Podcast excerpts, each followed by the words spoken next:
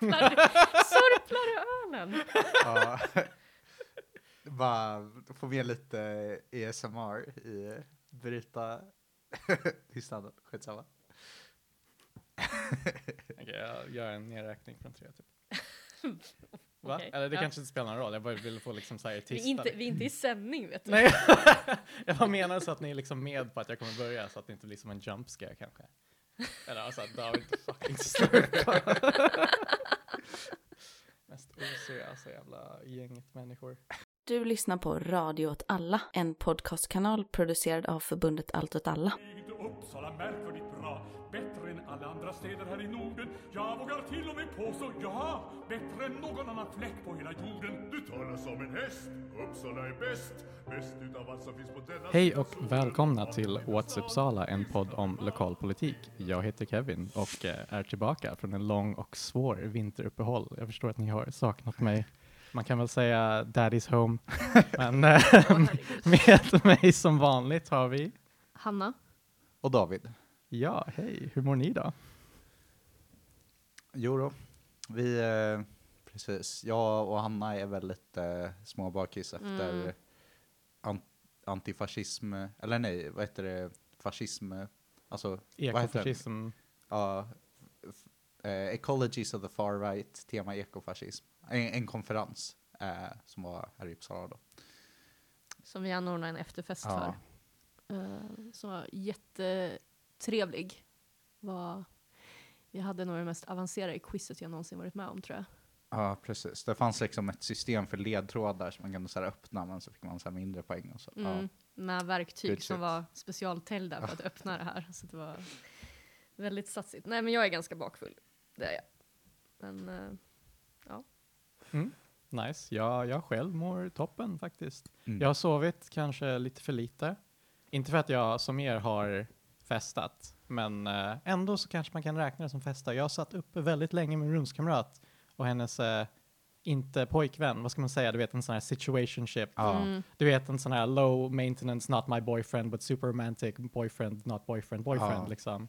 Fy fan. Eh, vi satt uppe och kollade på Love is blind, eh, den svenska, för det kommit ut. Riktigt, riktigt Just bra content. Ja. mm, Eh, men det som förargar mig, för det finns, nu, nu blir här en rant som jag inte har tänkt ta med, men det kommer här. Kör hårt. Så det finns ju två lite olika system som folk släpper content numera i den här moderna eran av tv liksom. Mm. Vi har ju den här Netflix-grejen där liksom man släpper en säsong, allting kommer ut samtidigt. mm, Eller så kan man ha det liksom så här som förr i tiden, episodisk, eller inte nödvändigtvis att det är episodisk format, men att det liksom kommer en avsnitt i veckan liksom. ja. De två i systemen finns ju och de uppskattar jag. De har liksom sina för och nackdelar tycker jag. Mm. Sen finns det ett tredje system som jag fucking hatar. Och den är när saker släpps i liksom så här klump typ. Mm, Typ så här, ja ah, nu släpper vi den här säsongen, här kommer fyra avsnitt, sen kommer liksom så här en gång, sen kommer fyra om typ tre veckor eller whatever. mm, Och sen kommer de sista två om veckan därpå eller två veckor. mm. Och det är precis det som Love is blind Sverige har gjort. Och det, det förargar mig. Så För- kom, kombinera binging och att man faktiskt ska sitta Mm. och titta. Exakt, det det är de hoppas på frustrerande. att man ska spara ett avsnitt varje vecka, men det är ingen som har den självkontrollen. Ja, men det blir ju att det sker liksom bingandet, men att det är liksom Mm. så här, jag vet inte, det, det bryts upp så mycket och det, det är irriterande. Alltså jag tänker, en av anledningarna till att man släpper i klump är väl för att man vill att folk ska vara så här: okej nu måste jag se allting innan det blir spoilat för mig på nätet. Mm. Ja, jag vet, men det är jävligt ond. Men äh, jag är en big little baby som sitter där och bara, jag matar mig mer. Ja. Liksom, så jag har väl inget val, jag vill bara klaga på systemet. Liksom. Jag önskar att alla avsnitt fanns redan. Liksom. Mm. Mm. Eh, men den är bra, Pro äh, het tipp, kolla på Love is blind Mm. Sverige. Eh, snälla Love is blind Sverige, sponsra oss, Netflix. Kommer du vara lika investerad de tre veckorna om nästa avsnitt kommer då? Mm, gud ja. Fast det är typ, eh, den kommer ut nu på fredag, nästa, nästa Okej. klump liksom. Så det är, inte, det är inte så stor diskrepans, så det är ju ändå bra. Att det typ inte är ett halvår emellan, för det är faktiskt det värsta. Men Love is Eh. blind, är det den när man typ inte får se personen? Utan Exakt. man bara pratar först och I- sen... Ja, träffas de dejtar typ en massa människor, de liksom så här uppdelade som på läger liksom. Kvinnorna Just för sig, det är väldigt cis-binärt liksom, men kvinnorna och hetero, alla är straight liksom. Antar vi. Jag tror Mm. det med, ja. De vill nog ha alla straight så att inte de börjar dejta internt liksom. Eh, I sina läger. Så männen och kvinnorna för sig och sen typ så här dejtar de blint helt enkelt. De ser inte andra personer, Mm. de hör bara deras röst. Så sitter de på varsin sida i ett liksom så här rum med en dörr i mitten, eller en så här vägg i mitten liksom. Eh, och sen efter de här tio dagarna så ska de typ gifta sig, med den, eller förlova sig med den personen de har valt och sen ska de typ leva med den fram till, i tre veckor fram tills de väljer att gifta sig. Liksom. Och sen under den här tiden så kan de ju Mhm. ja, välja att inte sluta fortsätta ses och sådär. Liksom. Det är ju mycket kring så här efter den här initiala perioden av dejtandet, så liksom så här, när de ser varandra så ser man ganska direkt om ah, den här personen tycker inte den här andra personen är fysiskt attraktiv. Liksom. Mm. Who, who the thought? Liksom. Så Ja, det är mycket, det är mycket det sånt den här säsongen, det är fantastiskt. Det är bara massa personer som går runt och bara inte känner fysisk attraktion till den andra och sen Mm. sitter den andra personen där i fucking, var är de? De är Cypern liksom eh, och är arg typ. Mm. Ja, och sen har de dejter med varandra och typ känner avund för andra par som har bättre liksom. Ja. Det Jag- låter, fruktansvärt content. tycker jag. Jag brukar alltid associera till, jag såg typ något avsnitt av, eh, jag tror det var någon så här brittisk serie med typ så här lite liknande premiss. Men istället, grejen är att de så här eh, typ klär ut alla till så här djur eller. Oh, ja, ja, Det ja, är så här den. Ja, ja. furry-versionen av Den Love heter Would You. Love a Monster eller något Ja. sånt. Den, det är, den är riktigt bra, jag älskade den faktiskt. Gud, vad jag, jag har inte ens tänkt på att en stor del av min karaktär har blivit att jag bara älskar så här dating reality shows. Jag skiljer på en rumskamrat som älskar dem för jag kollar med henne, men det är riktigt bra content. Jag är Mm. såld Mm. liksom, Mm. på det här omoraliska liksom, Mm. dating, dating skit. Typ. Ja. Mm. Men det känns som att det bygger just på det, att man ska ha någon som man kan titta på det med. Att det Ja. ska vara- Jag tror det, för jag, liksom så här, det känns så bra att titta på det med någon liksom, och jag undrar om det hade fortfarande varit som jag satt själv.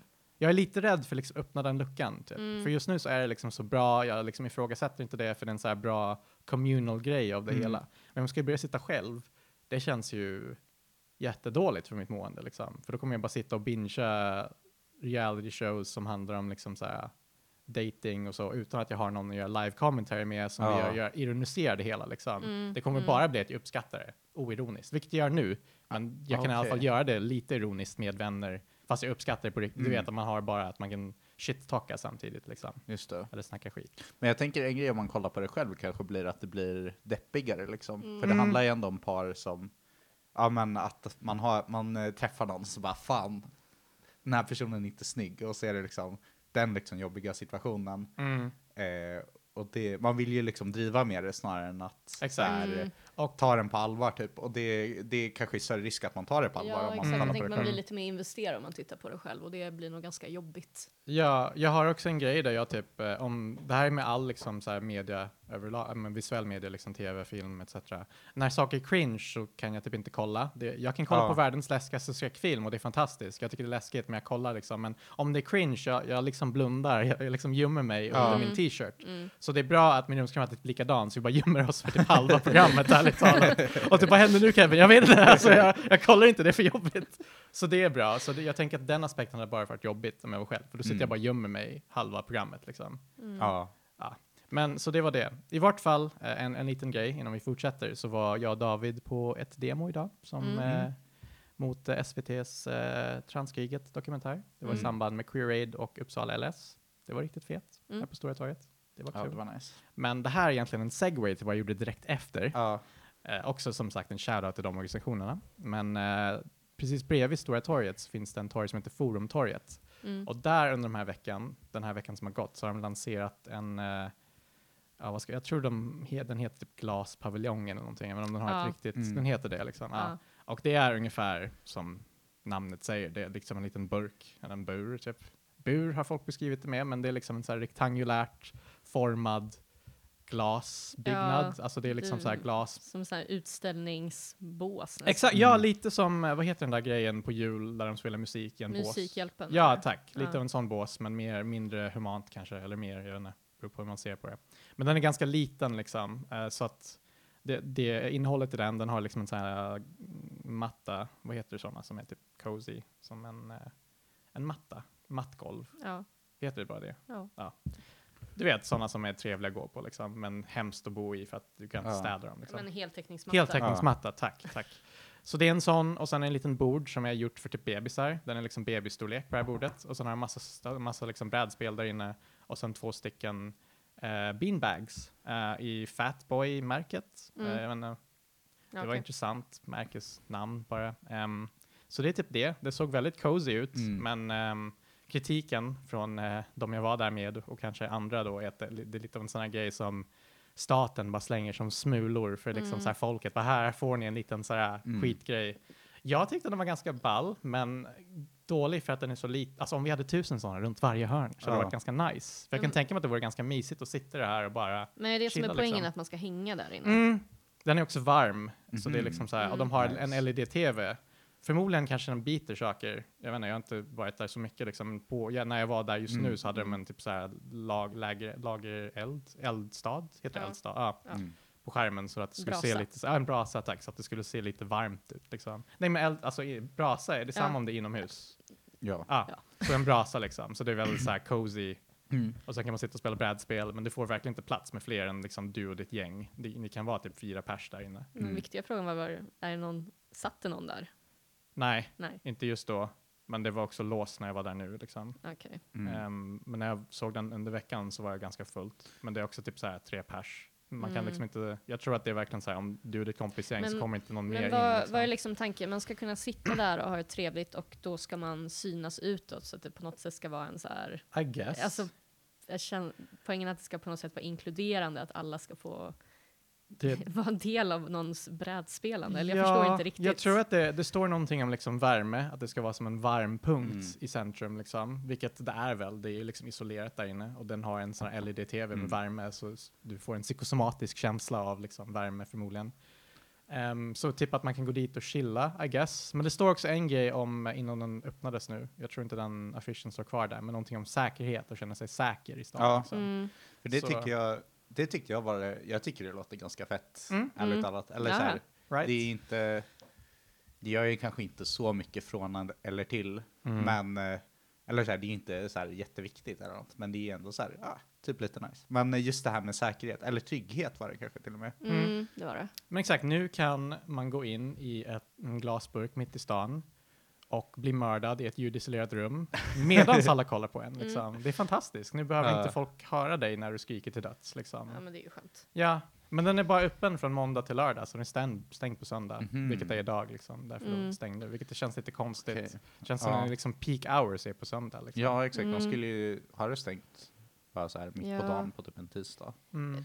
Jag är li lite svårt att förstå symbol. Alltså, det känns ju väldigt typiskt Uppsala kommun att vilja göra något sånt här symboliskt starkt. Att de har Mm. sådana texter och pratar om liksom en Mm. varm punkt och så vidare. Mm. Och att då menar de ju dubbelmärkes att det både är fysiskt varmt att vara Yeah. på vintern men också att det är värme, att vi kommer närmare varandra. Mm. Alltså så här, Samtidigt som ni blev samhället i... på något sätt. Men, men jag, jag har liksom lite svårt att förstå exakt vad, de, vad man vill uppnå med det, rent Mm. symboliskt. Men eh, jag, jag tycker det är så konstigt där med att man nämner trygghet, för det känns ju som att det har motsatt effekt om man nämner det, för då är det så här, då blir man bara så här, ja just det, shit, gängkriminalitet liksom, eller så här, det är så här, ja nu ska ni sitta här, Men det kanske gå är in här och visa. Det så kanske är att- skottsäkert Ja, glas okej, i och för sig. Då, det är ju tryggt för de Mm. Tre personerna. Ja. Nej men, eh, Det är någon som är gängkriminell som springer in där, låser om sig och så står den där och bara retas med de som vill skjuta dem. nej men liksom, eh, det blir ju också så här bara, ah, gå in hit så att ni slipper tänka på gängkriminaliteten. Eller det Exakt. blir ju, om man uppmärksammar det så har det ju inte Mm. den effekten. Tänker. Men det är ändå så, det är inte så konstigt att eh, man, att kommunen vill vara så här, åh, nu har vi gjort en sak som ökar tryggheten. Liksom. Mm. Det är väldigt typiskt kommunen ändå. Jo. Det, det är ganska intressant för precis bredvid så finns det ju en lång bänkrad där. Ni, du vet den här Mm. vita bänken. Ja. Ehm, som är, det finns ju en term för det här, jag kommer inte riktigt ihåg vad det är, men det är liksom så här, den här grejen med att liksom så här, arkitektur som finns i den allmänna platsen är liksom otillgänglig för typ hemlösa etc. Ja, ja, du vet man- så här, man, man- lägger man- spikar och ja. skit, att man lägger liksom så här Just det, massa... hostile Man- spärrar- architecture. Ja, exakt. Hosta, Och, precis. och den är väl ganska så här ojämn, eller inte den så här jätte...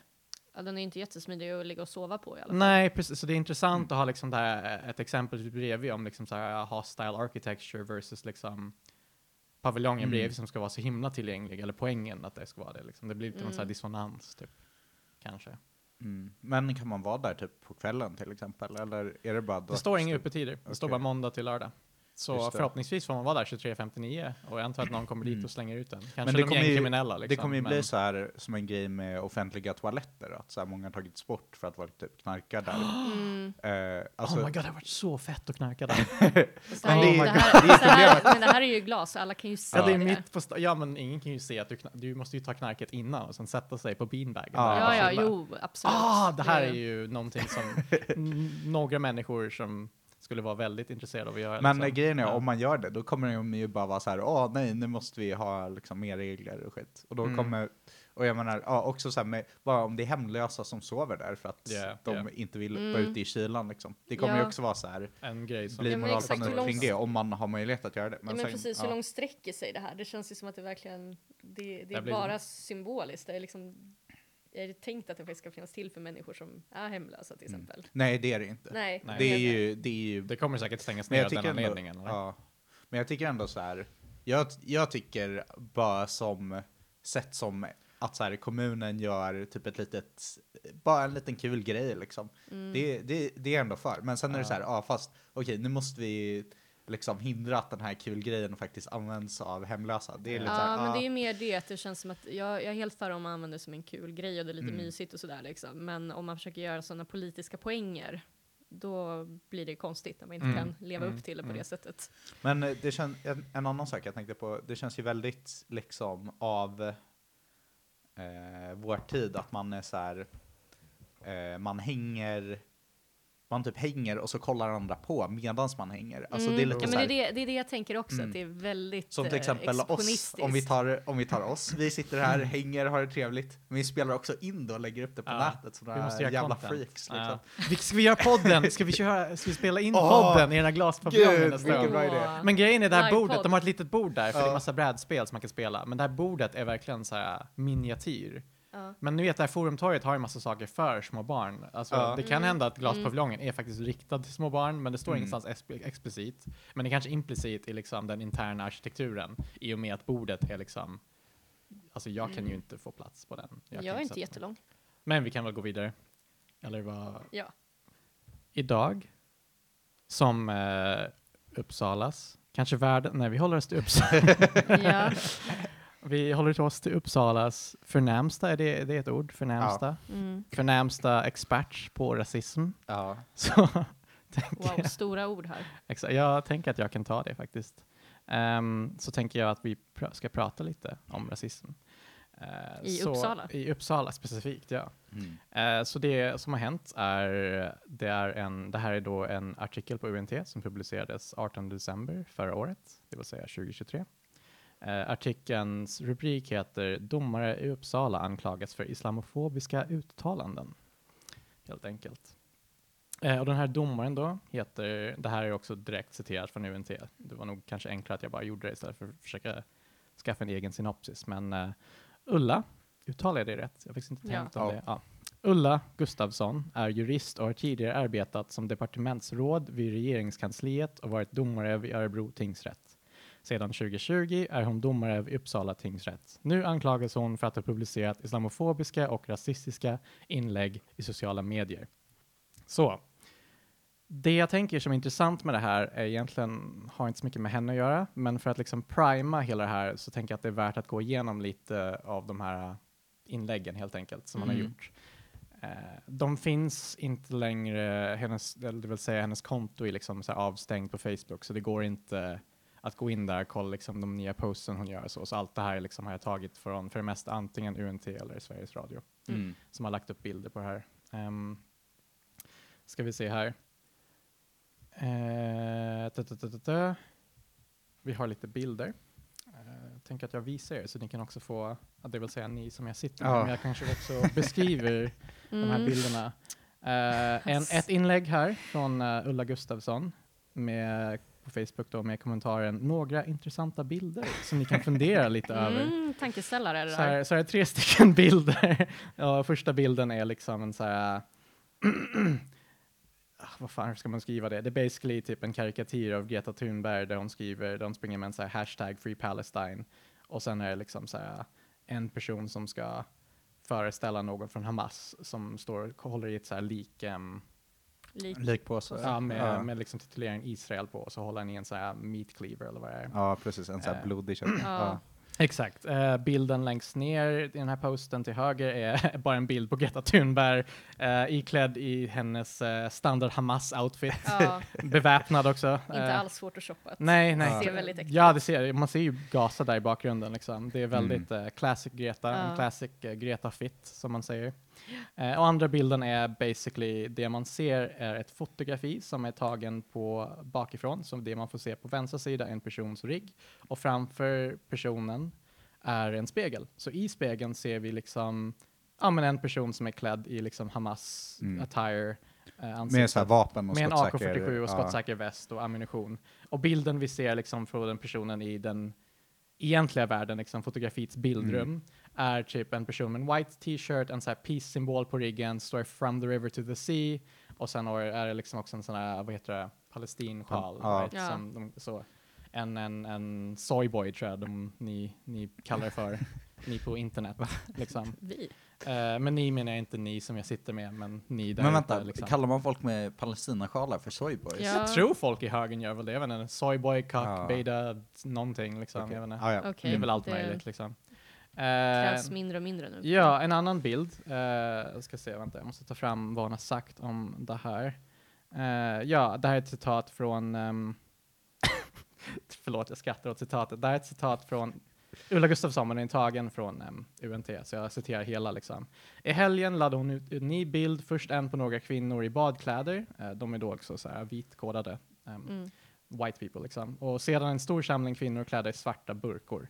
Eh, texten ovanför lyder klart, alltså det vill säga det Ulla Gustafsson har skrivit, citat. Klart intressant bild, något att fundera på tänkte jag. Men så kom jag på att jag onekligen funderat klart. Islam är S-K-I-T. Mm.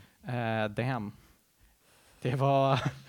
Jesus Det var det hon kom fram till. Att hon hade funderat ett tag. Det- Hon, liksom, hon hade en tankegång som gick lite fram och tillbaka och sen till sist, nej men det, det är ju skit. Ja, hon tänkte, hon Ja, tänkte riktigt hårt. Liksom. Alltså jag, jag tror det är svårt att tänka så mycket om de bilderna. Eller så här, det är inte, jag tänker att de inte har så högt, liksom, vad ska man säga, konstnärlig eh, verkshöjd. Utan Mm, mm. det är ganska eh, rakt på sak. Det, det Exakt. finns Ja, inte så många det- lager Det liksom. inte, nej, det är inte så mycket man kan tolka på olika sätt. Ja, ja.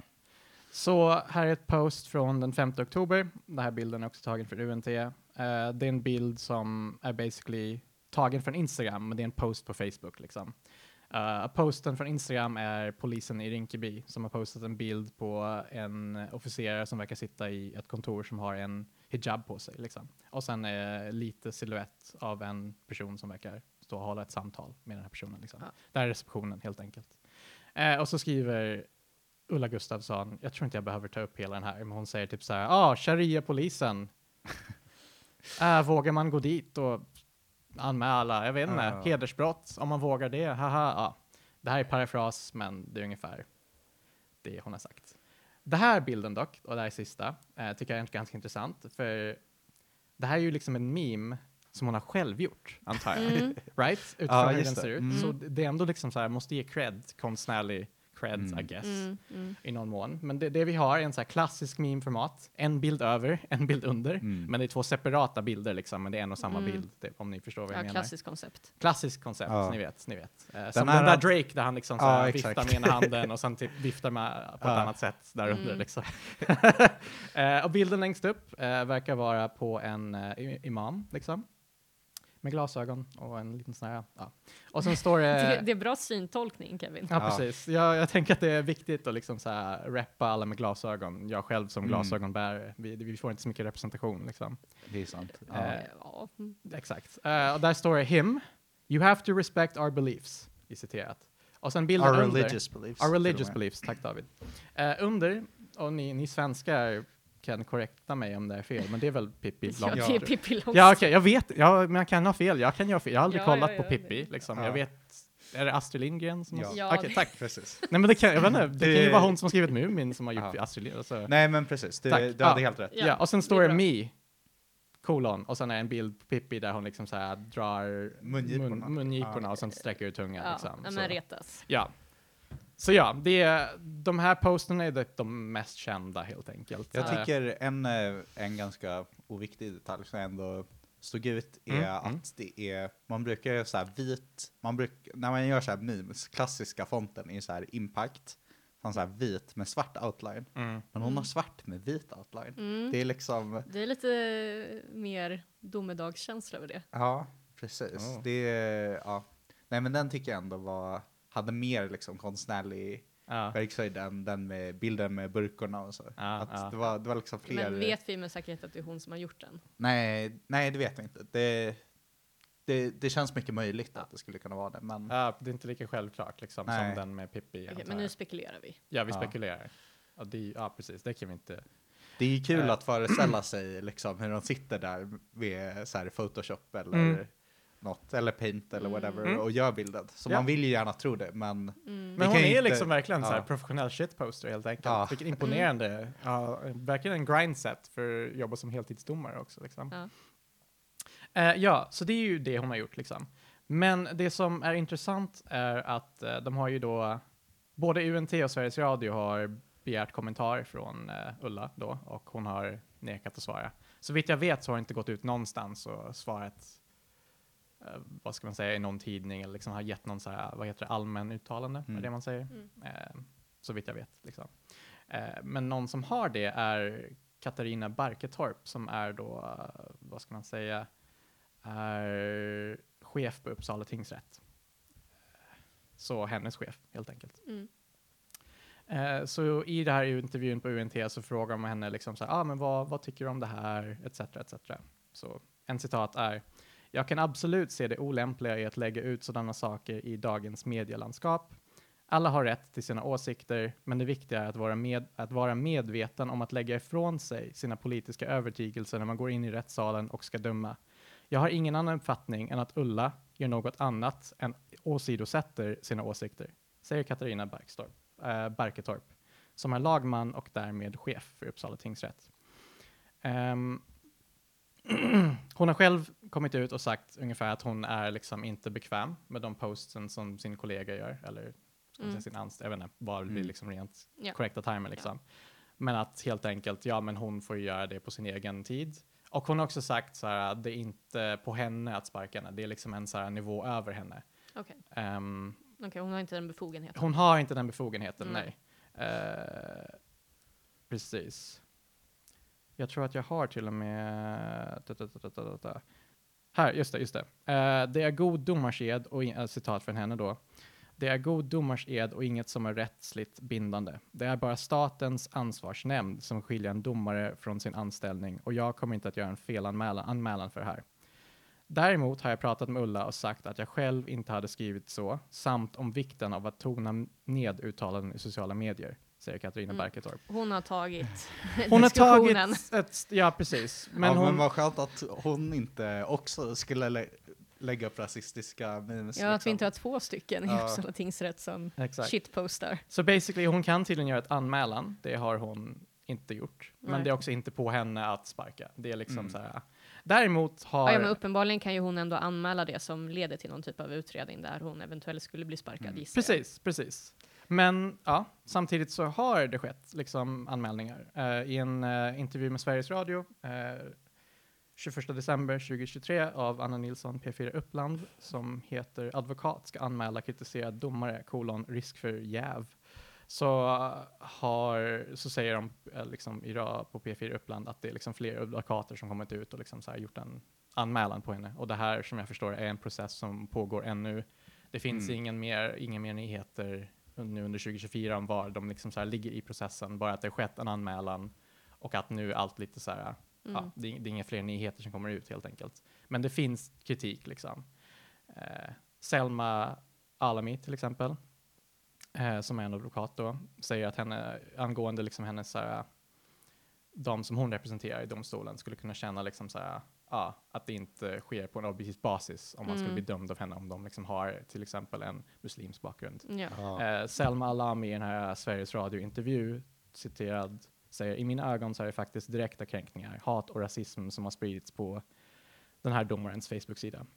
Så hon anklagar liksom att ehm, det går liksom inte att separera. Eh, ett till citat är att, um, för intervjuaren frågar henne liksom så här, men kan den här personen inte göra det liksom? Och då säger Selma, att, det vill säga domaren, och då säger Selma att det går säkert att skilja på sina åsikter, men det finns en förhöjd risk att det liksom så här bryter, äventyra Mm. använder hon ett ord, men det förstår jag inte riktigt vad äventyra betyder, men hon säger äventyra förtroendet. Ni kanske fattar Ja, vad men hon till menar. riskera Ja. liksom. Ja, Precis. helt enkelt. Och det är ju, går, in, går ju an på den här grejen som Katarina pratat om att eh, det är liksom ett förtroendebransch, typ. Man måste liksom så här ha förtroende i, i Ja. systemet, att det funkar. etc. Ja men verkligen, man vill, när man går in i en sån situation så vill man ju känna att man blir Mm. dömd av någon som ändå är opartisk och Mm. det här ger ju inte riktigt den känslan. Nej, nej precis. Och eh, jag har ju massa fler citat, men de går lite mer att det är liksom så här, det är typ att de repeterar sig själv. Säkert Katarina, Mm. att det är ungefär den linjen hon håller liksom. Mm. Men det finns en citat som eh, jag tyckte är en riktigt intressant, s- banger liksom. Och den är tagen från Sveriges Radio också. Den heter eh, Uppsala domare anklagas för rasistiska inlägg. Den gjordes den 18 december, också av Anna Nilsson, P4 Uppland. Och i den så säger Katarina, och eh, jag citerar, fast ta det här inte som ett direkt citat, för det är jag som har transkriberat det, så jag kan ha hört något ord fel, liksom, men det är mer eller mindre det hon har sagt Mhm. i vad jag kunde höra. Liksom. Så Katarina säger så här, ehm, jag tror att det kanske finns en ännu större risk. Nej, förlåt, jag går tillbaka. Frågan till henne är liksom så här, ah, men tror du inte att det finns en risk för att de kommer liksom så här, gå in i domstolen och ha liksom, en förutfattad mening om en Ja. person om de har en muslimsk påbrå? Frågar Anna Nilsson. Ja. Och då svarar Katarina Berketorp, citat, jag tror att det kanske finns en ännu större risk om man inte är tydlig med sina åsikter, om man har dem utan att tänka på dem, för då kan man verkligen ta med sig dem i rättssalen, tror jag. Okej, Slutcitat. så nu när vi vet det så kommer alla vara på sin vakt och då kan inte Mm. Den Ja, här domaren döma man kan tolka det som liksom, sina ja, fördomar. man kan tolka det folk- på det sättet att det är en sån här generell hur liksom andra personer uppfattar dem. Men ja, det kanske är fel, men jag uppfattar också det här citatet som lite så här på individbasis. Mm. Mm. Att till exempel Ulla kan då liksom gå in i rättssalen och vara medveten om sin påstådda Okej, rasism. för nu har de liksom. haft diskussioner och nu har folk sagt ja men de här inläggen som du lägger upp, har du tänkt på att de är lite islamofobiska? Mm, Och det mm. kanske inte Ulla har tänkt på Mm. innan. Hon kanske inte har en aning. Ja, precis. Och då är det liksom så här, nu, är- eller snarare att Ulla bara vet, ah shit, jag är rasist. Det betyder att jag kanske borde vara lite internt snällare mot Mm. de muslimer jag bemöter i rättssalen så att det inte skulle vara ojämnt liksom. Vilket är en intressant point, för jag tänker lite på den här grejen med liksom så här, ja men internt, men intern rasism liksom, som är en grej som Interna internaliserad. internaliserad Mm. rasism Ja. liksom, som en grej som bara, ja men kulturellt framkommer på grund av liksom så här hur mm. vilket samhälle vi lever i helt Mm. enkelt. Att det Mm. finns, och för att förklara liksom vad den här terminologin betyder väldigt enkelt är basically att oavsett vem du är, vi förenklar det säger bara västvärlden, liksom, Europa Mm. i det här, det här fallet. Oavsett vem du är, vilket bakgrund du har, så har du liksom den, här, den kulturella liksom, hegemonin som finns och de inflytande som påverkar en Mm. undermedvetet, oss alla i vårt samhälle, gör att det kommer finnas en inherent bias mot vissa sorts människor Mm. på olika sätt. Att du kommer se på en människa, säg de vit eller svart, de två olika människor, att du kommer typ inherent se dem på lite olika sätt på grund av någon så här undermedveten grej du har, liksom, som är liksom betingat Mm. av samhället du lever i. Liksom. Och det är någonting man kan såklart bearbeta och arbeta på, men att den eh, finns där liksom, oavsett, helt enkelt. Så varför jag tyckte det här var intressant var att Katarina Barketorp, som jag förstår det, kanske påstår att hon liksom går lite an på det här med att man finns här intern internaliserad rasism liksom hos individen, men att liksom så här, om vi bemöter det så kan det ju leda till att man liksom skulle ge ett mer, vad ska man säga, Transparent. transparent, ja, eller mer rättvis dom till Mm. någon. För att du är medveten om din intern bias och därför bemöter den mer aktiv. Mm. Till skillnad från Mm. någon som kanske inte hade gjort det. Förstår du vad jag menar? Jo. Problemet är att det blir så himla löjligt för att det är Ja. någon som säger någonting, påstås vara väldigt rasistiskt. Liksom. Ja, Mm. jag tänker att man ska inte behöva lägga upp islamofobiska Mm, inlägg mm, för, att någon, mm. för att man ska bli medveten om det, utan det där måste man ju kunna utbilda i och liksom, Ja. det är ju upp till arbetsplatsen faktiskt Men, eh, eh, ta upp sådana frågor regelbundet och liksom se till att Man det är någonting man gör reflektioner över.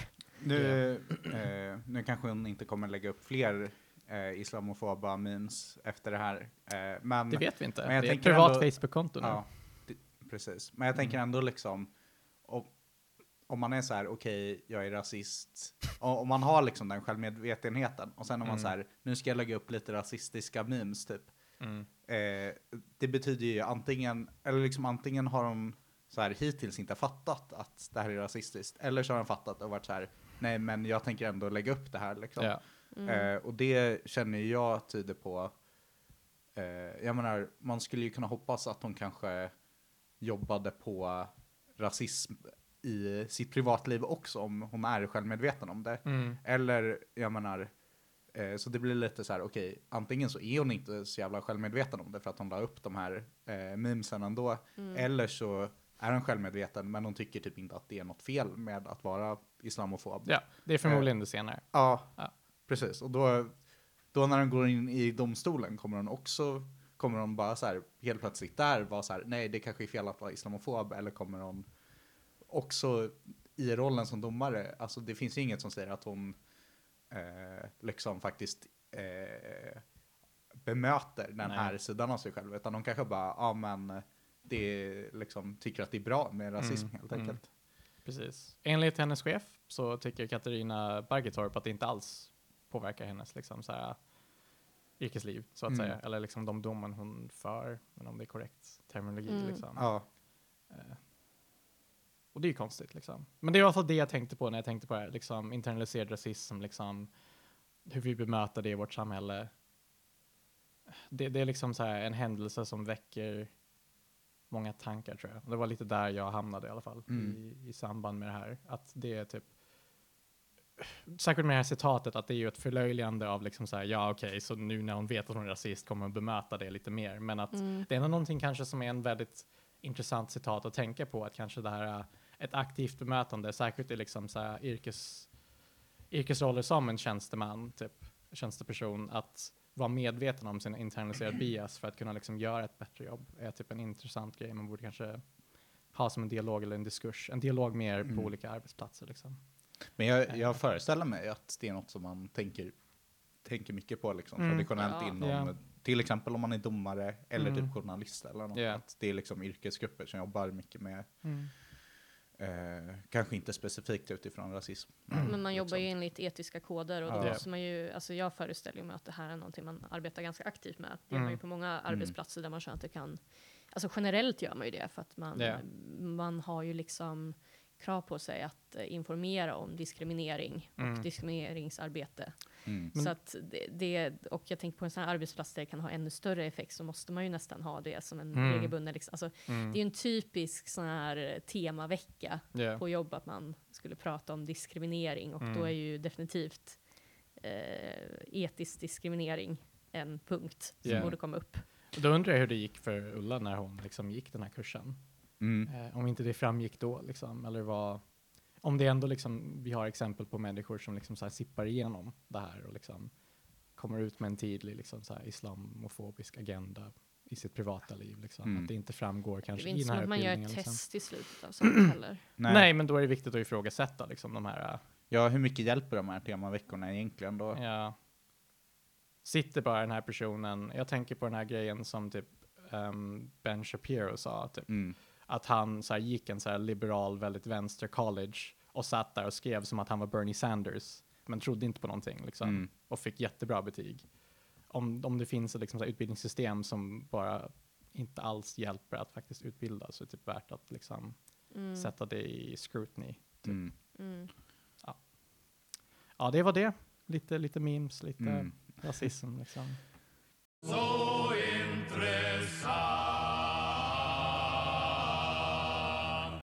Och ska vi prata hyreshöjning? Ja.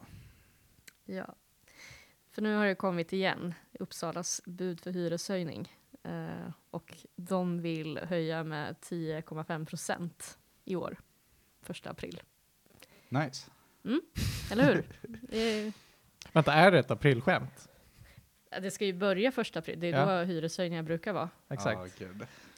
Men Först riktiga aprilskämtet du menar att de livet, förbereder liksom. för ja, ett, och sen så när Exakt. första april kommer så bara Jokes on you, Ja. vi har sänkt hyran. exakt. Eller bara riktiga skämtet är bara plågandet liksom. Ja.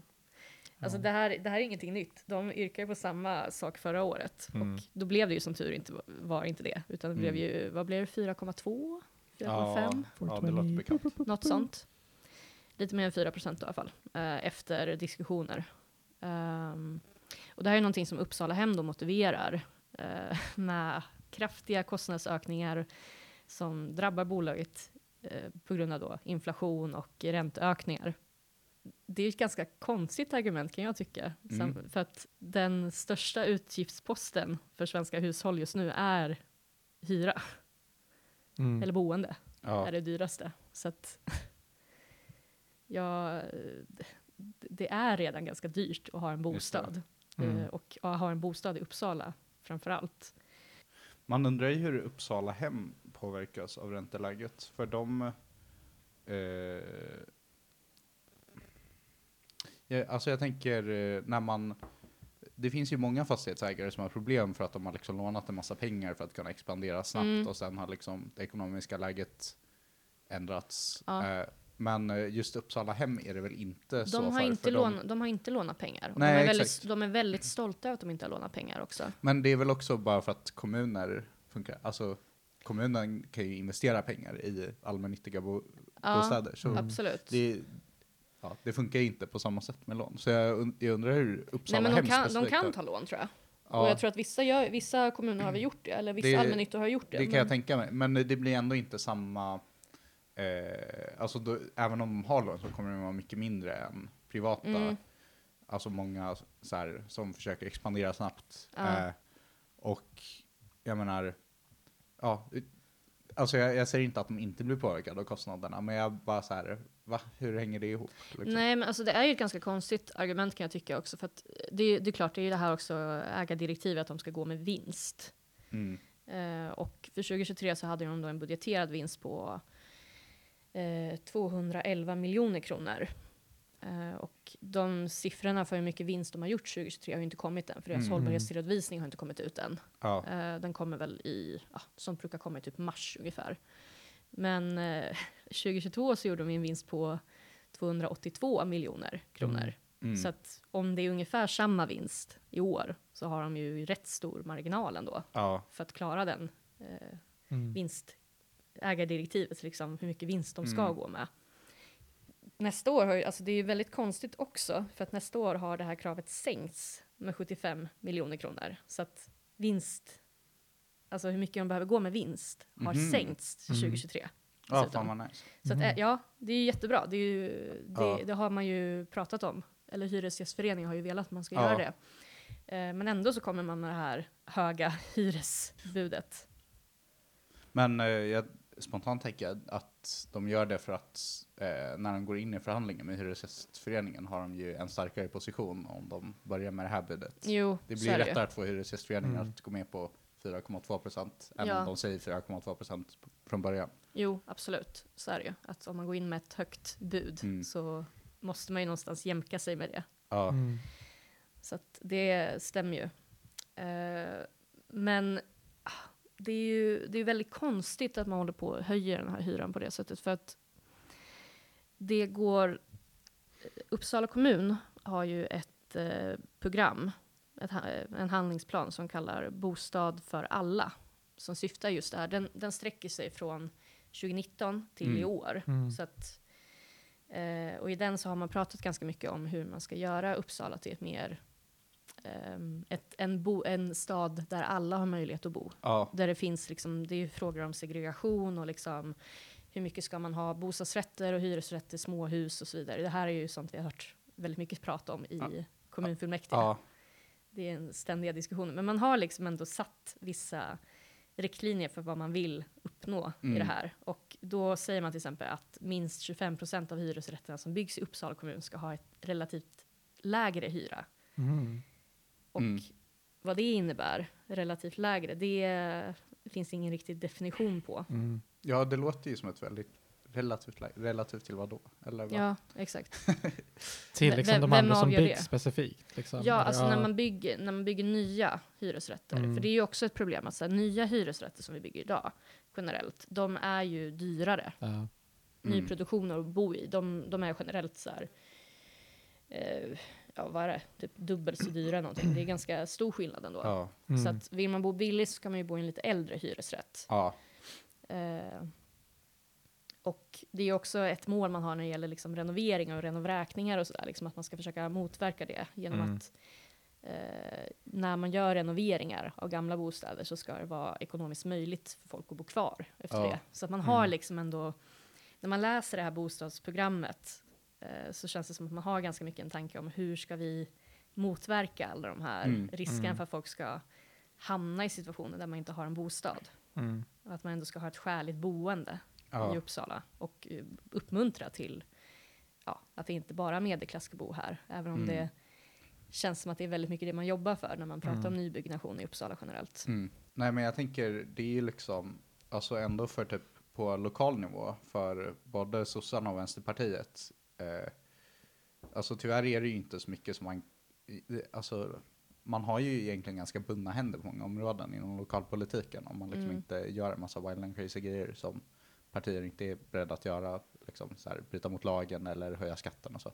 Mm. Eh, så, men eh, en stor USP, eh, eller så här, Socialdemokraterna och Vänsterpartiet, det är de, alltså en ganska central grej för dem som de liksom lovar sina väljare är ju ändå så här billigare hyresrätter och så. Och, Mm. och det är ändå en av skiljelinjerna mellan så här vänster och höger i, Mm. i typ alla kommuner, föreställer jag mig. Eller liksom alla lite större kommuner åtminstone. Att hur bostadsbyggandet ser ut. Ja.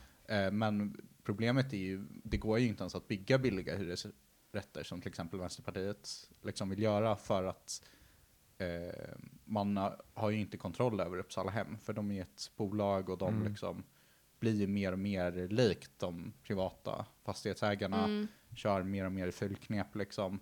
Eh, och liksom beter sig här med den här, att de går in med det här ganska, eller liksom det här skambudet beter sig ganska antagonistiskt mot hyresgäster och så. Mm. Eh, och sen har man ju också så här regler kring ja, men så här presumtionshyra och så, som gör att det bara alltid blir hög hyra i nybyggda lägenheter. Mm. Så Exakt. det går ju liksom inte, alltså, ja. Ja, det, ja, det är en Inte väldigt, ens det, det kan man liksom åstadkomma som till exempel vänsterpartist liksom i kommunen. Mm. ja, det är väldigt svårt att faktiskt skapa någon skillnad rent konkret. Ja. Det är ju lätt att prata om det och det är ju det som liksom blir grejen för att i det här programmet så är det ju hela känslan att man ska jobba för att ha de här bättre förhållandena. Man pratar ju också om just eh, renoveringar och det är väldigt många hyresrätter i Uppsala som står inför stundande renoveringar. Ja. Eh, och man, det, det är ett problem för att då leder det också om de här renoveringarna leder till att eh, hyran ökar, ja, men då blir det också fler personer i kommunen som, eller fler hushåll i kommunen som blir i behov av ekonomiskt bistånd. Mm. Mm. Eller ett högre belopp av bistånd Ja. för att kunna bo kvar.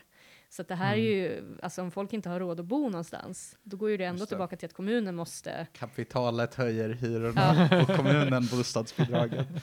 Ja, eller typ den allmännyttiga bostads... Eh, eh, vad heter det? Allmännyttiga bostadsbolaget höjer hyrorna och Mm, kommunen mm. bostadsbidraget. Mm. Ja, eh, exakt. Wow, vilken parodi. Mm. ja, så man står i den här situationen, så här, men okej, antingen så har vi bostäder där folk faktiskt har råd att bo till Ja. från Ja. början, eller så måste man på något sätt skjuta till pengar så folk har råd att bo där. Mm. Och det är ju ett ganska stort problem i en tid av nu, att så här, om Uppsala hem hänvisar till att ja, men ökade räntor, och, eller så här, generellt, vi lever under mycket svårare, alltså under en inflation. Ja. Och Mm, eh, mm. det märks ju, allting Ja. blir dyrare. Och folk har ju mindre och mindre pengar att röra sig med. Och ska Mm. man då höja hyrorna så blir ju marginalerna ännu större, Mm. eller mindre, för att man ska kunna... Det här är... Eh, alltså jag, jag måste be om ursäkt i liksom förhand för så här sosse-nostalgi så jag kommer ägna mig åt nu. Men jag menar, det här var ju verkligen saker som, som vi hade mycket bättre lösningar på förut i Mm. Sverige. Ja, Alltså ja. för det första, eh, jag, jag måste säga att liksom Sverige tidigare har varit väldigt bra på att Ja. med så här Mm. allmännyttiga bostadsbolag liksom fixa billiga lägenheter De som ändå har rätt så hög standard och så. Ja. Eh, och sen för det andra så har man ju också haft det man eh, kallar för kontracyklisk, eh, vad heter det? Ja, I alla fall, alltså tanken är att man ska motverka konjunkturcykler. Mm. Mm. Så att man liksom har mer pengar att lägga på bostadsbyggande när det är lågkonjunktur Ja. för att liksom kunna Okej. fånga upp det. Men nu, Exakt. nu istället, när vi inte kan göra det längre, så blir det ju bara att man så här förstärker effekterna av Ja. lågkonjunktur när det blir Ja. lågkonjunktur. Men det är ju det som är så konstigt, för att samtidigt så hänvisar man på något sätt tillbaka till alla de här gamla faktorerna, som att ja, men under den tiden så kunde man bygga. Ja. För att eh, det är ju också någonting som eh, eh, vdn för Uppsala Hem, Mattias Tegelfjord, eh, Mm. nämner att eh, de vill bygga nu under den här tiden för att se till så att folk får jobb, helt Ja. enkelt. Mm. För att det är också viktigt under svåra tider. Mm. Och enligt den där tanken så är det rimligt, liksom. det är det man Ja. vill kunna göra. Men det blir ju också ett problem just nu, för att om man ska fortsätta bygga, då måste man ju ha råd att bygga. Mm. Och då leder ju till höjda hyror utifrån det systemet Mm. som är nu. Och eh, det här med vinstkraven, det är ju också så här, det har inte existerat hela tiden. Det kom ju 2011. Ja. Mm. Så det är ju också ett ganska nytt fenomen ändå. Och Uppsala Hem har ju dessutom typ gått med ganska mycket vinst hela Mm. tiden. Det här är ju inte... De, de vill ju tala om sig själva som att vi står inför en jättesvår ekonomisk situation och vi Ja. har inte alls så Mm. mycket att röra Mm. oss med och vi behöver, eh, vi behöver högre hyror för att vi ska kunna bygga mer och att vi ska kunna fortsätta göra renoveringar. Mm. Men hur ska folk ha råd att bo där då? Mm. Mm. Vem ska bo i de här nyrenoverade bostäderna eller de ni bygger om ingen har ekonomiska möjligheter att göra det? Mm. Vem bygger vi för? Det, jag tycker också det, det funkar ju liksom inte så här att eh, alltså om pengarna för att bygga mer under en lång, lågkonjunktur kommer från hyresgästerna så hjälper ju inte det ekonomin. För då får ju folk mindre pengar Ja. som de kan liksom lägga på saker. Så då blir det så här, okej visst, det blir mer jobb inom byggbranschen, men Mm. å andra sidan kanske det blir mindre jobb inom, säg, restaurangbranschen för att Mm. Mm. folk inte har råd att äta ute lika mycket till exempel. Nej. Eller jag menar, det, det blir ju lika mycket pengar i slutändan. Mm. Eh, så det, det behöver ju inte vara så här bättre. Tvärtom så Mm. blir det säkert sämre eh, att bygga bostäder eh, än liksom, liksom i många fall i och med att vi har den här, så här konstiga monopolsituationen Mm. över Mm. eh, så här byggmaterial i Sverige som gör att det bara Ja. är väldigt dyrt att bygga. Så jag vet inte om det blir så mycket så här arbeten per krona. Mm. Liksom. Nej, plus att om man, pratar, man kan ju prata en hel del om byggbranschen också och hur mycket problem det finns där med underleverantörer Mm. och arbetsförhållanden och så här. Då satsar man alltså på en bransch som inte har jättegoda arbetsförhållanden under en pressad situation. Det känns Ja. inte som att de förhållandena kommer bli Precis. bättre under på- inflation eller Eh, vad heter det? Mina drömmars stad med deras intervju med solidariska eh, byggare. Ja, exakt. Mm. Bra shoutout. Ja, Mm. Tack, tack. Eh, men ja, utöver det här liksom så påpekar ju då också Mattias eh, Tegelfjord, vd för Uppsala Hem, att eh, staten har ju också ett ansvar i det här och Mm. menar på att eh, vi ser inga tendenser att husen har låga marginaler och, och att de inte klarar av sin hyra.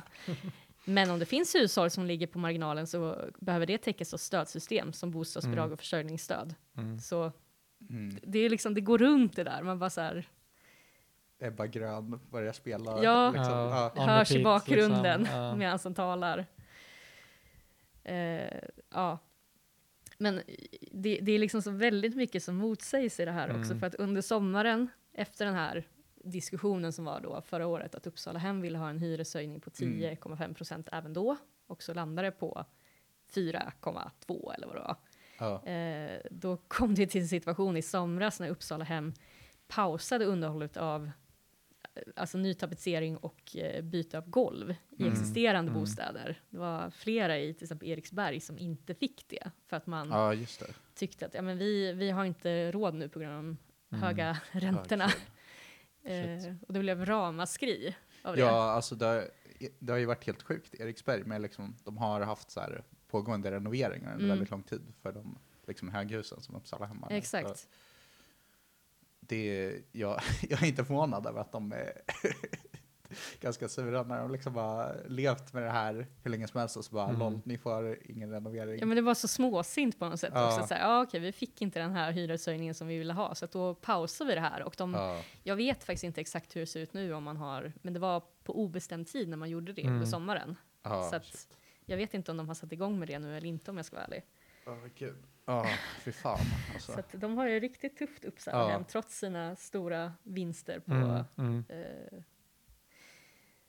eh, moderbolaget då. Ja, Eh, de de, pengarna de har gjort liksom aktie, aktieägarna har gjort 4 miljoner kronor i vinstutdelning Jesus. förra året. Så jag menar, så Mm. tufft har de det inte. Wow.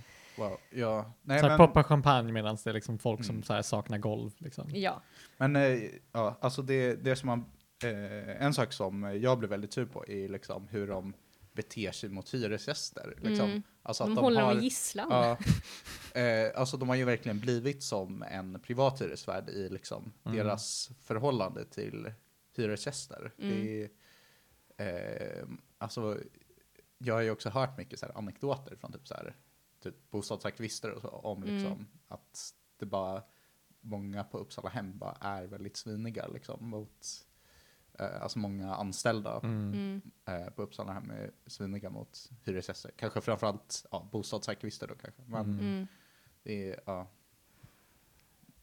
deppigt och frustrerande. Mm. Verkligen. Eh, men jag vill ju också säga emot det här väldigt mycket med att, eh, de inte, att de inte ser en tendens till att det skulle finnas personer som har så låga marginaler att de inte klarar av sin hyra. Ja, För att nu i december kom det ju också eh, rapporteringar om att eh, under 2023 då så var det nästan dubbelt så många vräkningar i Uppsala kommun jämfört med året innan. Åh Så jävlar. att jag tycker nog att man ser en tendens. ja, Gud, det är ju helt sjukt. Ja. Jeez. exakt. Men vad är siffran på nu liksom? Procentuellt? Eh, Dubbelt i sig är sjukt, men jag var nyfiken om det liksom så här, har koll på liksom hur många. Ja, alltså till vräkt, 19 liksom. december har det inkommit eh, 165 underrättelser om avhysning till socialtjänsten. Mm. Och eh, då var det av de här, hund, var det, av de här 165 så var det 73 stycken som hade verkställts. Mm. Så att alla som får en sån avhysning Mm. blir ju inte vräkta, men det är Nej. ändå 73 personer som har blivit, eller hus, hushåll. Eller hushåll, ja, det kan ju vara Ja, och det kan ju vara barnfamiljer liksom. gånger fyra liksom. Ja. Ja, och Vi det har inte- Jesus Christ. tillräckligt många sådana forum, torg, ett glasskåp för... eh, nej, vad liksom- ska de ta vägen? Ja. Nej, exakt. Vi ska ju podda där liksom. Det blir svårt att... hur ska man göra? Hur ska vi liksom? konkurrera med dem? Ja, det går ju inte. Ja. ja, men det är ju också väldigt lite som krävs för hyres, eh, för att man ska vräkas. Mm, för att det är mm. egentligen att man bara missar en hyra, Ja. så kan det vara kört. Mm. Så Shit. det är en ganska Ja, det finns känsligt. marginaler, men, liksom. Nej Ja. men precis, om man är i en situation en månad, att man får Mm, mm, mm. ökade mm, utgifter och man inte har en marginal, man har Ja. inte sparpengar eller någonting att ta av. eh, Mm. Och man ja, inte prioriterar sin och betala in sin hyra i tid Ja. av olika anledningar, ja, men då riskerar man att bli vräkt direkt. Exakt. Så Ja. att det, det jag rekommenderar är liksom från eh, kommunens boendeenhet. Äh, sluta köpa avokado och liksom... Nej men betala din hyra. Om, Ah, du, om du ska, om du Fan, ska, jag om borde du ha ska, tänkt på det innan men om du jag... har några räkningar som du Ja. liksom funderar vilken ska jag prioritera, då, Då är hyran är exakt. viktig att ta först. Jag kan frysa ihjäl så länge det finns Mm. ett tak jag kan liksom frysa under. Typ. Det är också så, eh, om man inte betalar hyran i tid, även om man inte blir vräkt, så är det jobbigt sen när man ska flytta. För då Fan, vill men de ju ha referenser. liksom. från, Ja, liksom. ja, Ja. Mm. Ja, ja. hamnar Ja, ju en segt. ingenmansland på något Mm, sätt. Ja. mm, mm.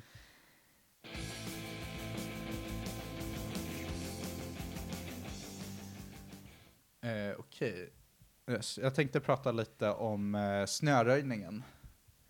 Eh, det har ju varit hett debatterat i UNT till exempel.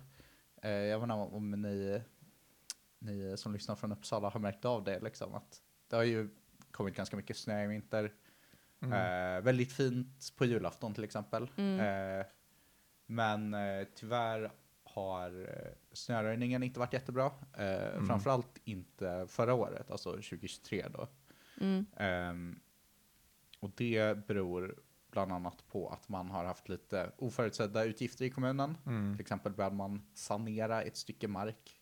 Så här, sånt som händer antar jag. Mm. Eh, så då har man liksom skurit ner i eh, snöröjningen. Eh, och specifikt har man inte saltat så här cykel och gångbanor. Däremot har man saltat bilvägar. Eh, Mm. utan bara sandat dem. Det här förklarar väldigt mycket. Ja, Mm. Mm. Precis hur? utanför Jo. mitt hem så är det liksom så här, jag, tänkte, jag tänkte på det idag på vägen hit, att bara, vad fan, varför är det inte alltid så här halkigt precis här? ja. Det var inte Nej, så här det, förra året. det liksom. har märkts. Ja. Sen blir det också problem i och med att det har Ja, men det blir också ett ganska stort problem i och med att det har varit väldigt mycket snö och väldigt Mm. eh, kallt, jättekallt under perioder och sen så har det blivit lite varmare och så Mm. har det smält och så håller man på så. Det är ju typisk eh, Ja. svensk vinter, absolut, men när man inte kan hantera det då. Så. Är det inte att de också försöker minimera liksom så här, mängden snö de liksom plöjer bort? Att det liksom så här, försöker typ maximera genom att liksom så här, ah, men ta bara de här vägarna så glömmer vi Ja, det finns ju prioriterade. Ja, exakt. Och det, det märker jag väldigt mycket liksom där jag bor. Att det är så här, ah, men den här, nu, nu måste jag springa en sån jävla mini-omväg när jag går ut och springer. Liksom. Jag kan inte bara kuta igenom liksom, Flogsta. Jag måste typ så här springa Mm. uppåt och sen ut igen för att komma Mm. liksom till Eriksberg. Ja, Är det liksom snövallar som är i vägen? Eller? Nej, det är bara att de inte skottat typ en av, det är liksom så här, det är massa vägar, de är ju skottade Ja. liksom, jag vet inte om det är korrekt terminologi om man använder ehm, en stor Ja. mekanisk grej liksom. Eh, för skotta är väl för hand. Eh, men i vilk- pluggade. plo, plo, plöjade? Plogade. Plogade, tack. Så är det liksom så här, det är massa liksom gångvägar, men de har liksom bara bestämt sig för att ta typ basically några av dem och de har blivit typ huvudvägar. Men de andra är liksom lika stora och breda. Det är liksom bara att de har typ skitit i dem. Så får man liksom ta en istället för liksom så här, ta en av de tre vägarna som man kunnat göra förut. Så det blir att liksom så här, om jag ska ta mig till typ Eriksberg så måste jag ta den här vägen som är lite mer en omväg för mig för jag bor på just den här delen av Flogsta. Liksom. Mm. Istället för att ta den jag vanligtvis tar för att den har liksom så här fett mycket snö på fortfarande. Liksom. Ja, sidospår. Mm. Ja, nej men det är precis, det är något som märks av, eh, liksom, bara folk som är upprörda eh, på olika håll. Eh, det är också något som märks av i olycksstatistiken. mm. Mm. Eh, för det, det här leder ju till fler olyckor. Eh, Mm. och det är, eh, som i slutändan är dyrare liksom, att behandla än Alltså det är billigare att bara snöröja ordentligt. Så Mm. att folk Mm. inte hamnar på sjukhus på grund av att Det är de inte halkar. dödliga olyckor, det är bara liksom så här skador. Eh, jag vet inte. Det kan ha varit någon dödlig olycka, ärligt Ja, jag talat. tänker om det är eh, typ Uppsalas Men det är väl- hems hemliga sätt. Men det är väl generellt liksom- att man halkar och bryter ett ben eller Ja, så exakt. Ah, okej. exakt. Eh, Mm. Jag menar, gud, nu återberättar jag från minne så jag kanske felciterar lite. Men eh, har ni hört begreppet feministisk snöröjning? Ja? Nej, aldrig. Snälla ja berätta. jag känner igen det. Eh, Wow. För så det det kommer ifrån är, eh, man, man liksom, jag minns inte varifrån det kommer ursprungligen. Kan du det här, Hanna? Nej, jag Nej, minns okej. inte. Förlåt för lite så här killgissande. Ja. Men i alla fall, någon, i någon stad någonstans någon gång var man så här, vi kanske borde så här, tänka på olika så här, random saker Mm. ur ett feministiskt perspektiv Mm. som man inte så här, spontant tror kanske är så kopplat till feminism. Yeah. Så en, en av de grejerna var snöröjning Mm. eh, och det man kom fram till var att man liksom prioriterade bilvägar framför gångbanor. Mm. Mm. Eh, och det, eh, det, det är ju för att ja, liksom, kopplingen till feminism där är, är att bilar är mer Ja. manliga. Då, Män liksom. Ja, ja. transporteras som en bil generellt mer. Mm. eh, precis. Kvinnor åker ju till exempel mer i kollektivtrafik Mm. och går mer. Mm. Tror jag. Eh, Vill du ge cred till vilka det var som startade? Ja. Karlskoga kommun. Okej. Ja, let's go. Represent Närke slash Värmland beroende på vem man frågar. Ja. Vi säger. Värmland om man frågar mig. Okej, shoutout till eh, Karlskoga och... Och eh, Alfred Nobel Ja. som eh, föddes där. Jaha, där Ja, han uppfann dynamit där. Wow. Mm. Ja, en, eh, en stad som har gett oss väldigt mycket. Feminismen och bomber. Men i alla fall, eh, det man märkte var så här, okej, men om man prioriterar eh, gång och cykelbanor mer Mm. eh, så sparar man pengar Mm. Mm. för att man minskar olyckor. Ja. Eh. Också logiskt i och med att det är svårare att ta sig fram till fots eller cykel om det är massa snö jämfört med typ bil. Ja, Mm. Precis. Eh, så eh, då, då när man upptäckte det så var det så här bara wow, vad smart det är att bara göra ordentlig snöröjning på cykelbanor och gångbanor. Men Mm. det har vi alltså inte kunnat göra då på grund av budgetanledningar. Ja. Och det Mm. leder ju till ökade kostnader eh, inom sjukvården till exempel. Men det är regionen, det här handlar ju om anledningen till att vi har gjort de här nedskärningarna var, vi hade, eh, kommunen hade liksom oväntade utgifter 2023, så då måste de få budgeten 2023 att gå ihop på något sätt. Så Mm. då har de behövt skära ner. Mm. Så att det liksom leder till ökade kostnader inom regionen. Det är ju så himla Det- synd att vintern kommer på slutet av året så att när Ja. snön kommer så har de inga pengar kvar. Precis. det, är- precis, det hade varit bättre om vi liksom började året typ så här i oktober eller november eller något. Så att Mm. Eh, det hade liksom varit ett nytt räkneår. Så, ja, ehm, så eh, då, då blir det så här att vi gör den här ganska, på många sätt ganska korkade grejen liksom. På Mm. grund av eh, så här, budgeten. Bara så här att det finns tydligen inte reserver man kan ta av om man märker så här, shit, vi behöver sanera den här marken. Eller Ja. så här, shit, det kom mer snö i år än vad vi hade väntat Mm. oss. Ja, det är lite svårt att beräkna. Svårt att sen- veta i förhand. Eh, det blir ju inte ens billigare för kommunen heller. Alltså, eh, visst, det kanske räddar upp budgeten 2023, men eh, det blir också svårare sen när man ska dra igång 2024 med liksom den riktiga snöröjningen. Mm. Eh, då vi har, är liksom inne på Man ett ska komma ikapp också. Ja, Ja. eh, det finns en väldigt bra insändare i eh, UNT, jag tror att det är en insändare i alla fall, eh, som med titeln “Kommunen saknar kunskap om snöröjning”. Eh, och den är skrivet av den absoluta kingen Anders eh, Engberg som eh, jobbar med eh, Mm. saltning. Mm. eh, för Expert. Ja, Saltexpert. Eh, och han har liksom flera saker som han är kritisk till. Eh, bland annat är det, det är någon som har så här jour som ska så här ringa in eh, ja, saltarna och eh. Mm. Plogarna och så. Eh, De Och kommer då- ut från saltgruvan och Ja. börjar. Skulle man kunna säga Eh. att eh, den här artikeln, han, heter han Anders, sorry, ja, att Anders är lite salty, så att säga. det, det skulle man kunna säga. Ja. Tack. Eh, Okej, eh, men det är, en det är en person som har så här i uppdrag att liksom ringa ut Mm. För det är liksom bra att börja så här tidigt i snöfallet. Eh, tydligen.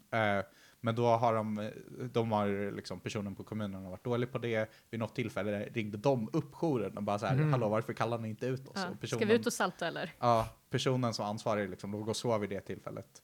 Mm. Eh, så kanske inte jättebra. Det, det, det finns ju lite sådana saker man skulle kunna förbättra då. Eh, en annan sak som man klagar på är flera som kör, eh, alltså att de typ så här plogar vägen, men att de då liksom kör upp saker på gång Mm. och cykelbanan. Eh, och det, det är inte så bra för det skapar ju liksom mer arbete för att de liksom gör det slarvigt. Men Mm. eh, sättet, eh, om jag har förstått det rätt i alla fall, alltså eh, snöröjningen ligger ute på entreprenad. Eh, så det, det är liksom, jag tror att folk får bara så här köra den här gatan liksom. Så då blir det ju att de som gör det, eh, liksom inte Anders då som liksom, Mm. eh, intrycket jag får av insändaren är att han bryr sig väldigt mycket om hantverket, liksom snöröjning. Ja. Men Mm. många andra är bara så här, jag kör bara så fort som möjligt. Vem bryr Mm. sig om det hamnar på trottoaren? Det är liksom Ja. inte mitt jobb. Mm. Eh, så det är också så här ett dåligt system, Mm. eh, låter det som.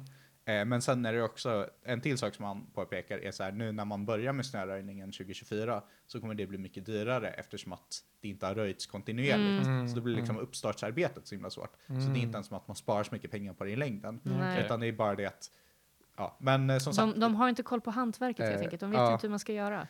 Eh, poängen är att budgeten för 2023 ska gå ihop. Liksom. Mm. Mm. Eh, och det lyckas man ju ändå med på, på det här ganska irrationella Mm. sättet. Liksom. Yeah. Eh, eller som får liksom, de här konsekvenserna som Mm. känns liksom, Ja, Men jag har verkligen noterat det här med att de, eh, när de plogar, att det bara kommer upp på trottoaren istället. För Ja. att det är ett Mm. jätteproblem så fort man åker buss att det är stora snövallar precis vid busshållplatserna. Ja. Mm. Så att, alltså så här, det är både ett problem för att många gånger kanske bussen inte stannar exakt där det är skottat, för det är bara en liten marginal där det liksom Ja. finns utrymme att gå av. Och så måste man kliva ut i en snöhög. Mm. Det händer ganska ofta. Eh, ett annat problem är ju bara här på liknande sätt som liksom hur folk väljer att skapa egna vägar och så. Om man faktiskt Ja. går på vägar som existerar eller om man Mm. trampar upp egna stigar och så. Att när man tar sig till en busshållplats så har man ju generellt så här, jag går den här vägen för det är Ja. snabbast för mig. Mm. Om nu det är en stor snövall där, ofta så är det kanske ett litet ställe, ett litet stråk där jag kan gå in. Mm. Mm. Men det existerar inte där jag är van vid det. Och det, alltså, det bara förstör så Ja. himla mycket av promenaden Mm. till busshållplatsen. Och det är en viktig stund för man har bråttom till bussen också. Ja, verkligen. Borde övat mer på parkour helt enkelt i din ungdom. Eh, precis, men då, då kommer man ju bryta benet och hamna på sjukhuset. Mm. Om man, eh, Just det, men som sagt det var väl det Uppsala hem vill. I Ja. Ja, du har ingen aning om hur mycket jag använt utövat parkour. Oh min shit, ungdom. ja det förvisades. ja. Ehm, ja. Nej, men jag känner ändå eh, lite av en tangent kanske. Men eh, jag känner verkligen mitt drömsamhälle Mm. är ändå där man bara kan låta Anders Engberg eh, sköta Ja. det här till exempel. Mm, Eh, Kung, alltså. det, och det är därför Rätt jag är kommunist. plats. Liksom. Exakt, Eh, för eh, det är ju, ni får ursäkta den här lite så här marxism, eh, eh, grundkurs i marxism pratad liksom. Men eh, för grejen är ju så här, eh, när man arbetar liksom, i kapitalism, eh, då, då gör man ju det för att få lön. Mm. Sen kan man, kanske man också bryr sig om hantverket. Eh, som till exempel jag tror att Anders gör. Och så. Ja. Men eh, man kan ju liksom inte lita på honom. För han kanske också bara så här, nu vill jag ha mer jobb så att jag får mer pengar typ. Mm. Så då måste man ha liksom olika system för att så här, hålla koll och så vidare. Så då får man där att man lägger ut det på entreprenad och då kör de upp snö på trottoaren. Så då måste man liksom ha något till system för att kolla att de inte kör upp snö på trottoaren antar jag. Mm. Eller liksom, det är bara så Skapar här, mer arbete. Ja. det blir bara så himla dåligt. Alltså, man skulle ju vilja ha ett samhälle där man bara så här, oj, här är någon som kan det här med snöröjning. Vi ger den personen ansvar för det. Och så gör de det för att de liksom kanske är investerade i samhället de, har en del, de är en del av och inte för att det är så här få pengar liksom. För det är liksom att man har det här dubbla incitamentet Ja. gör liksom att man måste ha de här liksom ganska konstiga och dåliga systemen hela tiden. Jag tror du påminner mig, eller jag fick precis en flashback till min ungdom, men eh, den här Anders påminner mig om den avsnittet i Simpsons där Homer bestämmer sig för att börja snöröja. Och liksom så här, han och Barney tror jag, båda blir liksom stadens snöröjare och de liksom så här, alla älskar det för de Ja. gör det så bra, för de liksom så här, tänker igenom sitt jobb och de uppskattar det Mm. och de gör det i tid och liksom så här, de har, ja, det är verkligen eh, framtidsvisionen där. Ja, exakt. Men så kan vi inte ha det för kommunen eh, måste fixa sin budget för 2023. Exakt. Liksom. Mm. Eh, och Finns det- inte utrymme för ja. personer som Anders. Nej, precis. Damn. Eh, ja. Nej, men en annan intressant sak som jag såg i UNT på tal om så här budget var att eh, man har så här påbörjat eh, bygget av så här en strandbrygga. Eh, Mm. Jag glömt vad det var. Men nu liksom under vintern och då är, är folk bara så här, LOL, varför ligger det typ en massa bryggor på den här stranden mitt i Ja. vintern? Och det är också så här, ja men de måste påbörja bygget 2023, budgeten. Mm. Ja, ja. Mm, mm. Så, eh, Framförhållning. Ja. Mm. Nej, men i alla fall. Eh, det har ju också eh, varit en del insändare kopplat till det här med snöröjningen Mm. eh, och spårväg. Mm. Den kanske Mm. ni inte såg. Eh, Oj, Men- oväntat. Oh my god. eh, där argumenterar bland annat, eh, jag tror Kent Kumpla från Sverigedemokraterna har skrivit Mm. om det. Eh, ja, Utvecklingspartiet Demokraterna har skrivit en debattartikel om det. Eh, jag såg också Mm. typ en insändare från typ en person som bara signerade som lärare typ. Mm. Så också bara så här lite random personer. Där de i alla fall driver tesen att så här, oj, om vi inte hade lagt pengar på spårvägen så hade vi kunnat lägga det på snöröjningen. Eh, men det är ju eh, naturligtvis nonsens. Eh, Mm. Alltså, ja. Eh, Du måste ta den här striden bara. Ja, eh, det finns ju flera anledningar. En sak som jag har liksom tjatat om i avsnitt efter avsnitt är skillnaden mellan driftsbudget och investeringsbudget. Det är ju liksom en aspekt. Mm. Varför det inte är så det funkar. Eh, ni kan lyssna på typ så här, nästan vilket avsnitt som ja, helst. bara välj. Om ni Ja, vill vad väljer eh, höra mig förklara det ordentligt. Eh, men en annan aspekt är så här. Nu är det ju för sig vissa kostnader som går in i driftsbudgeten associerade med spårvägen. Men grejen är, grejen är ju att vi la en budget, sen fick vi oförutsedda utgifter och då Mm. behövde vi dra ner på andra saker. Det hade ju hänt även om man inte hade budgeterat för spårväg, Mm. eller hur? Mm. Alltså, eh, problemet är ju att vi inte har ett mer Marginalen. flexibelt system Yeah. för att hantera oförutsedda utgifter. Exakt. Mm. Eh, Mm. och jag menar, jag menar, jag skulle ju också, om vi pratar om så här eh, utopiska framtidsdrömmar, liksom, eh, jag skulle ju också vilja leva i ett samhälle där man både kan ha så här, eh, liksom bra infrastruktur för kollektivtrafik och Mm. ordentlig snöröjning. Och jag tror att vi kan leva i ett sånt samhälle. Liksom. Mm. Det går, alltså, det här Din kommunistiska är Det, lösningen. utopi finns, är in, det finns uppnåbar, inom liksom.